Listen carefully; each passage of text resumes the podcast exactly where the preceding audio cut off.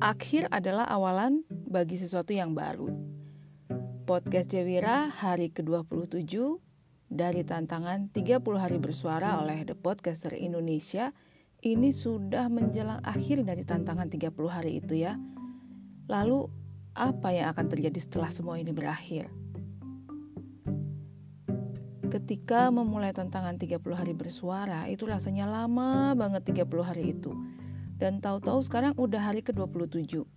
Sisa lagi tiga hari nih. Kalau sebulan yang lalu begitu mau mulai rasanya berat banget. Mulai dari melihat judul-judulnya, memikirkan idenya, menyusun skrip, kemudian merekam suara. Belum lagi berdamai dengan teknologi. Padahal sudah pakai aplikasi Anchor yang sudah sederhana, sederhana banget loh. Tetapi tetap aja karena memang ada emosi cemas yang berkaitan dengan menghadapi teknologi.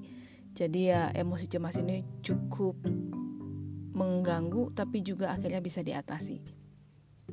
Dan setelah hari ke-30 nanti, setelah tantangan 30 hari berakhir, terus pasti bakal kangen sih ya. Tapi juga setelah tantangan 30 hari bersuara ini berakhir, merupakan satu babak baru lagi bagi saya. Memulai lagi melanjutkan podcast Cewira yang lain mulai dari tahun 2021 memulai yang baru dan melanjutkan apa yang sudah berlangsung. Ya nggak cuma podcast sih. Seringkali kan di awal-awal tuh berat banget kayaknya untuk memulai. Dan kemudian setelah dimulai dalam perjalanannya terjadi proses belajar kemudian bisa menikmati setiap momennya, dan setelah di penghujung malah mulai merasa kehilangan. Dalam kehidupan sehari-hari juga begitu sih. Karena kan segala sesuatu yang memiliki awal pasti akan berakhir, nggak bisa dihindari. Tapi ya gitu deh, udah tahu secara teori tapi tetap aja perasaan itu masih mendominasi. Nanti muncullah perasaan yang nggak rela lah, merasa kehilangan lah gitu. Tapi kalau misalnya nih saya dikasih kesempatan untuk mengulang lagi dengan hal yang persis sama, ya saya juga nggak mau sih ya. Karena kan hidup ya mesti jalan terus. Kata orang-orang, kata orang hebat, the show must go on gitu. Ya nonton film juga begitu kan. Kalau nggak tamat-tamat, itu kayak dulu tuh pernah saya nonton sinetron. Saya plesetin judulnya ya, Kesandung, Kesandung satu, Kesandung dua, Kesandung tiga, Sampai saya nggak tahu tuh udah kesandung berapa, saking banyaknya lanjutannya. Tapi jadinya malah nggak tertarik lagi dengan cerita-ceritanya, karena kurang lebih sama konflik antar tokoh. Kemudian nanti setelah penyelesaian akan muncul konflik baru. Kadang-kadang mulai muncul iri hati, dengki dan sifat apa? Bukan sifat sih, keinginan berbuat jahat, memfitnah, berbohong. Jadi malah banyak hal-hal yang membuat saya capek nontonnya. Makanya udah kesandung satu begitu masuk kesandung dua udah nggak ikutin lagi. Nah kebayang nggak sih kalau hidup kita sendiri kayak begitu? Mengalami drama yang berkepanjangan. Konflik melulu. Menderita terus. Terzolimi terus. Kemudian happy endnya di akhir-akhir eh terus tamat. Kenapa nggak dibalik gitu ya? Misalnya ceritanya kitanya bahagia terus Nanti di akhir-akhir baru dibuat tamatnya penuh dengan penderitaan. Wah, itu sih kayaknya penontonnya yang bakal stres dan kesel ya. Karena kan namanya film atau drama itu kan tujuannya untuk hiburan, supaya bisa sejenak melupakan kesusahan hidup sehari-hari, tantangan kehidupan sehari-hari. Tapi ya, memang sebaiknya kebiasaan nonton sinetron atau drama yang banyak adegan menzolimi, fitnah, perbuatan keji, tokoh utamanya menderita terus sebelum bahagia itu mesti dihentikan sih. Karena kalau kita sering nonton yang seperti ini, sebenarnya kan emosi kita ikut bergejolak. Dan ketika emosi bergejolak, pesan di film itu masuk ke pikiran bawah sadar kita dan menjadi satu program. Nah, ini nih yang dari dulu sebenarnya dilakukan oleh orang-orang di film untuk membuat satu negara itu menjadi adik kuasa dan hebat dibuatlah film yang superhero-nya selalu dari tokoh orang sana gitu. Sehingga kita yang nonton nih merasa inferior. Kayaknya orang sana tuh lebih hebat. Itu udah banyak terjadi. Dan dulu tuh waktu masa saya kuliah, itu kan lagi maraknya uh, gulat. Dan anak suka banget tuh smackdown. Bahkan ada kasus yang anaknya meninggal kan ya. Dan waktu saya praktek kerja di sekolah, saya juga lihat sendiri satu anak tuh sampai pucat karena lehernya di smackdown temennya. Untung nggak apa-apa. Nah itu loh cuman nonton yang malam-malam yang cuman nggak bukan setiap hari tapi pesannya masuk ke anak. Nah bagaimana kalau misalnya nonton drama percintaan?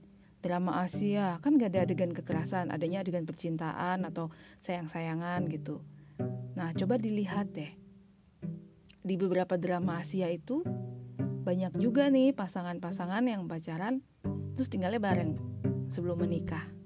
Nah kalau kita yang sudah dewasa nonton ini sih kita udah punya saringan yang kuat kita udah punya value yang kuat. Jadi kalau misalnya value kita tidak seperti itu kita tidak akan melakukan.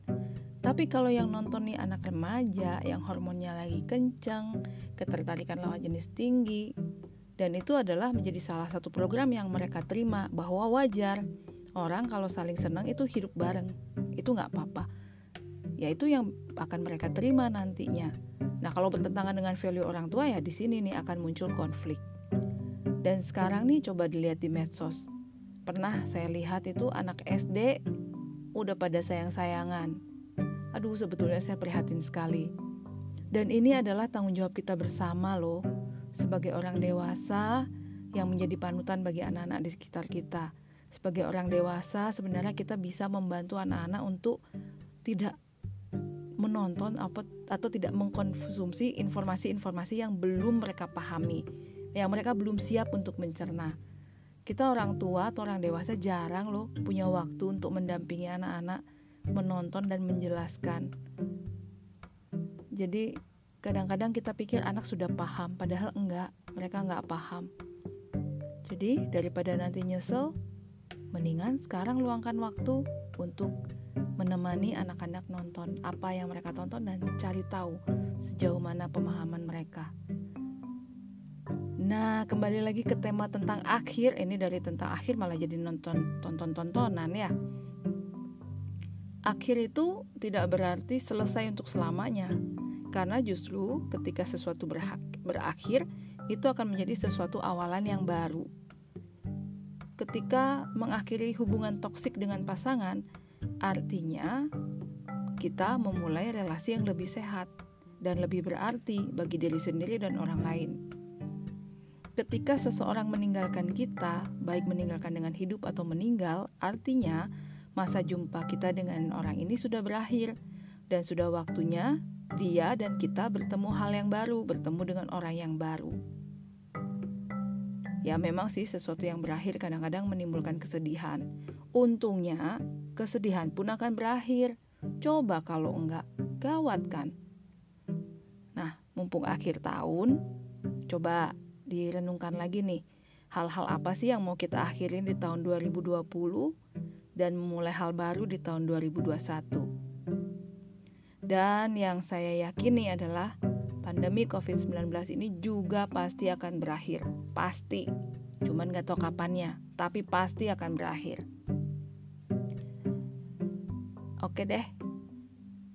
Sekian cerita-cerita tentang akhir di podcast Cewira episode ke-27 kali ini.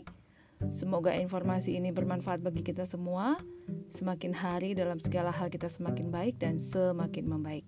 Sehat-sehat semuanya. Ciwira sayang kalian semua. Dadah.